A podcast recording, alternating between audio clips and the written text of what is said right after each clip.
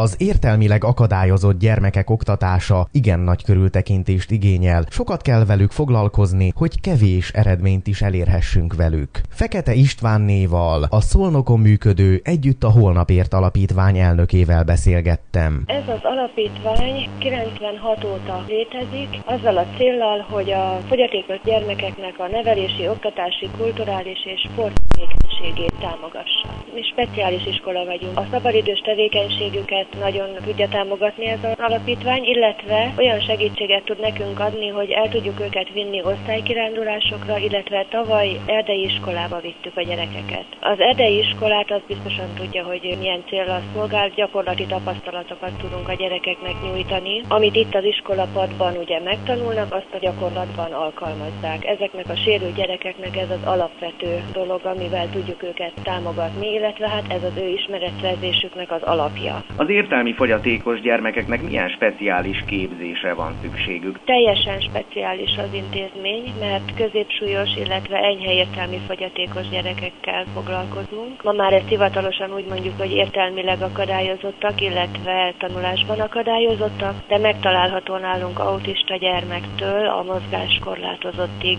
mindenféle gyermek, tehát teljesen speciális iskola, teljesen speciális eszközökkel, speciális tankönyvekkel dolgozunk. Ez mit jelent például speciális tankönyvek? Hogyan kell átalakítani egy általános iskolai tankönyvet úgy, hogy az egy értelmi fogyatékos számára is érthető legyen? Nem lehet átalakítani általános iskolai tankönyvet, ezeknek a gyerekeknek kimondottan az ő részükre készülnek speciális tankönyvek. Ez egy leegyszerűsített tartalmat jelent? Hát igen, közérthetőbben, sok ábrával, képpel, az ő nyelvezetükre lefordítva, rajzos, sok-sok gyakorlati tapasztalatra építő, és hát sokkal kevesebb persze a tananyag is. Ezeket a tankönyveket, segédeszközöket egyedileg készítik önök, vagy ezeket valahonnan be lehet szerezni? Be is lehet szerezni, de a pedagógusaink nagyon sok eszközt készítenek az ő részükre. De már most a piacon szerencsére nagyon sok ilyen speciális eszköz kapható, úgy mint kiadványok is, tankönyvek, természetesen mi is úgy rendeljük és vesszük nekik, illetve már most tanszereket is tudunk nekik vásárolni. Mert hát van akinek itt speciális ceruzára, vonalzókra, füzetekre. Ez mit jelent, hogy speciálisan az ő számukra készült? Tehát mondjuk, hogy a kezét Hát a vonalazása más a füzetnek a vonalazása, ceruzafogót használunk, ez is egy eszköz, amivel a gyerekeknek a finom motorikáját fejlesztjük. Amint említettem is, két kategória van. Az értelmileg akadályozott tanulók, akik tulajdonképpen középsúlyos értelmi fogyatékosok, illetve a tanulásban akadályozottak, ők egy kicsit ügyesebbek, okosabbak, ilyen csúnya szóval kifejezve, de több mindenre megtaníthatóak, mert értelmileg akadályozottak között Down gyerekek is vannak, akik bizony nem mindig taníthatók meg olvasni, számolni sem. Jelképekkel, jelképesen megtanítjuk őket, és sok gyakorlati munkára, de például van, aki olvasni sem és számolni sem tanul meg. Előfordult-e már az önök praxisában az, hogy valamelyik értelmi fogyatékos gyermek mondjuk megpróbálkozott a középiskolai felvételével? Van nekik speciális szakiskolájuk ezeknek a gyerekeknek, a középsúlyos értelmi fogyatékosoknak is, illetve az enyhe fogban értelmi fogyatékosoknak is, és a jobb képességűek oda mennek is. Most is a nyolc végzős diákunkból hat tovább tanul szakiskolában. Itt a mezőgazdasági gépszerelőtől odáig, hogy kertészeti szakmunkások, növénytermesztésben, állatgondozásba, ilyenekbe. Az értelmileg akadályozottak pedig szövőszéken dolgoznak, kéziszövést csinálnak, lábtörlőket, szőnyegeket. Kicsit segít nekik a, nem az elhelyezkedésben, mert ők soha nem fognak tudni munkába állni, de ha otthonba kerülnek, akkor ott egy kisebb pénzkiegészítésnek ez jó nekik. Aki érdeklődik az önök munkája iránt, az hol találja meg önöket? Kisújszállás Bajcsi Zsilinszki út 37 szám alatt működik, Jász-Nagykon Szolnok megyei általános iskola, speciális szakiskola és gyermekotthon. Az alapítvány neve, együtt a holnapért. Táncolni igen kevesen szeretünk, vagy netán tudunk. Vagy netán azért tagadjuk, mert szégyeljük. A pörgősebb ritmusokat talán a fiatalok is szívesen járják. De milyen fiatalon lehet elkezdeni a komoly tánctanulást? Kérdezem Toronyai Angelikát, a Hip Hop Tánc Stúdió Egyesület elnökét. 9 éves kortól tanítunk gyermekek és fiatalok számára modern hip-hop koreográfiákat. A táncoktatók Toronyai Angelika és Tanka Sándor. Nálunk a fiatalok művészeti tevékenységet folytatnak, de nem kell elszakadniuk a koruktól, mert a hip-hop zene és tánc annyira aktuális, hiszen a fiatalok otthon, a szabadidejükben és szórakozó helyeken is találkozhatnak ezzel a stílussal. A Debrecenben egyedülállóan általunk képviselt stílus egy lágyabb, könnyedebb hip-hop műfaj, jazzes elemekkel, showvonásokkal, amely a legjobban a mai szól és R&B zenék videoklipjeiben látható táncokhoz hasonlít. Minden év júniusában megrendezésre kerül évzáró estünk. Minden évben július-augusztus hónapban nyitott tánckurzust tartunk, ahová válogatás nélkül minden korosztályt szeretettel várunk. Itt egy kb. három perces koreográfiába tanítása történik, amely ízelítőt ad az érdeklődőknek a táncstúdiónk hangulatából és a táncunk stílusából. Minden év augusztusában tánctábort szervezünk. A tábor egyhetes, hegyvidéken vagy víz közelében nyaralás, de táncolunk is, hiszen egy koreográfia kerül betanításra is, ezen kívül színes programokban, hasznos játékokban, személyiségfejlesztő, szituációs játékokban, fürdésben, szórakozásban részesülnek a jelentkezők. Minden évben két alkalommal, szeptemberben és januárban hirdetünk felvételt. Jelentkezhet bárki, aki betöltötte 9. életévét és szeret táncolni. Elkészítettünk egy távoli jövőben játszódó történetet ábrázoló színpadi hip-hop táncjátékot. A történetben az emberek és a gépek békében élnek egymással, a robotok az embereket szolgálják, azonban egy nap fellázadnak, és véres háború veszi kezdetét, amely csak az idegenek beavatkozásával érhet véget. Az érdeklődők megtalálhatnak bennünket a Dombuca egy szám alatt a második emeleti táncteremben, illetve felhívhatnak a 70 563 10 84-es telefonszámon. A Török Szent Miklós és környékén élő mozgássérülteken próbál segíteni a Kapocs Alapítvány, mely 1994 óta működik a megyében. Az eddigi eredményekről Ladány Istvánné elnökkel beszélgettem. 81-ben alakult ugye a MEOS, ami az első civil tömörülés volt az országban, és azt lehet mondani, hogy mivel átalakult PESZ szervezetté a leg nagyobb civil tömörülés az országban, olyan 800 ezer ember tömörít magába más fogyatékos szervezetek érdekképviseletét is ellátja, és ha ez a 800 ezer embernek a családját hozzáveszünk, akkor ez egy olyan 2-3 milliós nagyságrendű tömeg, amit későbbiekben a politikának nem lehet figyelmen kívül hagynia, pláne meg, hogyha úgy érvényesítjük az érdekeinket, hogy az pozitív irányba menjen a mi részünkre. Aztán utána 83-ba alakult itt Török Miklóson a NEOS csoport, tehát a mozgás sérültek részéről itt helyileg. Akkoriban alakult a megyei egyesületünk is. Én nagyon büszke vagyok arra, hogy szinte az egyetlen olyan egyesület, tagegyesület az országban, amely egy egész megyét felfog. Tehát Jásznak Szolnok megyében, még Kunszent Mártonban van egy másik egyesület, de ők eléggé kicsik is, meg milyen végül is a legnagyobb létszámilag, és 14 ezer főtől el föl. 90-be kerültem rokkant nyugdíjba, és akkor egy évig körülbelül szinte sírva, meg hogy mondjam magának, olyan sunyogva vettem fel a nyugdíjam, mert úgy gondoltam, hogy akkor 6100 forinttal kerültem nyugdíjba, hogy nem dolgozom meg érte. És akkor ugye jött ez a lehetőség, hogy na, akkor a mozgássérülteknél dolgozom. Hát én megyei egyesületnél kezdtem, ugye először aztán itt helyileg a csoportba, gazdaságvezető, aztán 94-től csoportvezető lettem, és akkor azóta úgy gondolom én, hogy bőven megszolgálom a nyugdíjam. Két családom van, a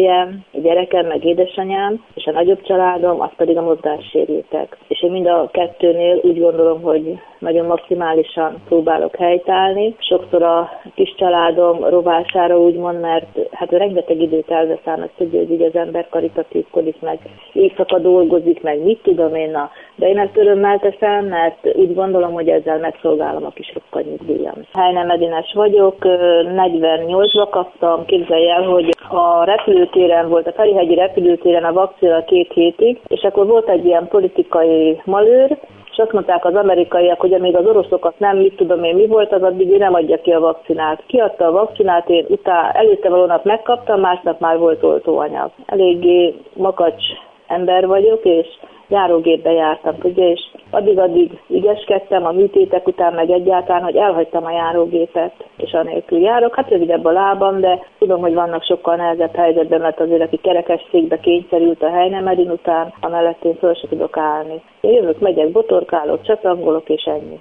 A Kapocs Alapítvány létrehozásában ez is gondolom mozgató erő volt. Mi voltak azok az első célok, amikkel elindultak? Egyáltalán nem kapcsolódott ez az én betegségemhez, hanem volt egy izomsorvadásba szenvedő kisfiú. És annak a Herbalife nevezetű gyógy hatású készítmény hozzájutásához próbáltunk segítséget adni, és akkor így jött ennek az alapítványnak a gondolata. Aztán utána kiderült, hogy van több gyerek, meg több felnőtt, meg több mindenki, akinek kellene végül is segíteni. Hát az alapítvány munkatársai valamennyien természetesen mozgássérültek, van közöttünk végtagamputált, meg, meg ilyesmi. Nagyon nagy segítséget kaptunk a ügyvéd úrtól, aki az alapító okiratunkat megfogalmazta. Azóta is karitatívkodik a háttérbe, és nem mondja, de tudom, hogy elég sok emberen segít, ilyen fogyatékos emberen pedig az ő családjában nincs is érintettség. Értetlenül álltak az előtt, hogy most miért csináljuk miért az egészet, és volt egyfajta olyan érzésem is, hogy talán még ilyen fenyegetett érettség szintjén is, hogy most mit akar ez. Nem volt mögöttünk olyan intézmény és olyan támogatottsági háttér, mint a, ugye vannak nagy alapítványok. Csak olyan kis magunkban, magunk szerint is módján itt a kis térségbe próbáltunk elindulni, és ez a kicsiség, ez az egyszerűség, ez a mai napig is megvan. A mozgásérültek szervezetei ezt hogyan fogadták? Ő nekik ez, ez óriási segítség, ugye, mert az megyei egyesületnél is be tudunk segíteni, és kistérségi szinten tíz települést fogunk össze, ezeknek az embereknek tudunk, és egyre több segítséget, mert ugye hát azért csak mi is fejlődtünk, meg a mozgalom is, és és egyáltalán mindenki, és akkor, és akkor tudok segítséget adni, mert hát ugye minél nagyobb egy egyesület, annál kevésbé tud így szétaprózódni, ugye, és akkor ezeket a nagy feladatokat részfeladatként mi átvállaljuk. Milyen segítséget tudnak önök nyújtani? Mozgássérülteknél én lakásszülő állami támogatásának a környezettanulmányát végzem, ami azt, hogy ezt tíz éve végzem, hát azelőtt meg ugye jöttem, mentem, és én én nagyon-nagyon megtapasztaltam azt a hatalmas szegénységet, azt az irdatlan nyomort, ami itt ebben a ö, környezetben, ahol én mozgok, legalábbis megtapasztalható, és az információ éjség az óriási, a tájékozatlanság, kórházba voltunk. Higgyel, ugyanezt tapasztalom most a daganatos betegségeknél, hogy ha az ember nem megy utána, és nincs kapcsolata, és nincs, hogy mondjam magának, ilyen önálló jövés menése, tehát nem önálló, akkor itt óriási ö, elmaradások vannak, és nem tudják a jogaikat, és nem tudják, hogy mire jogosultak, mit kaphatnak, mi az, ami támogatásként megilleti őket. Pedig az ö, állam, illetve az önkormányzatok, meg ezek a különböző szervezetek azért itt próbálnak segíteni, de nem igazán jutnak el ezekhez az emberekhez, és visszautalnék szintén a mi esetünkre, hogy ugye mi sem igazán tudjuk, és hogyha nincs segítség, akkor itt nagyon nagy lemaradás kihívások vannak, és különösen a végtagamputáltaknál tapasztaljuk azt, hogy az, amikor kijön a KFT és egy műlábat elkészít, hogy az csak bekerül a szekrénybe, tehát mi próbáljuk arra rávezetni az embereket itt ennél a végtagamputációnál, mert gondolom az egy nagyon-nagyon kegyetlen dolog, hogy fölmenni Pestre, és ott a szakorvos, a gyógytornász és az a mester, aki a műlábat elkészíti, az látja ott, és azok a műlábak használhatók, akkor rengeteg ember nem mozdul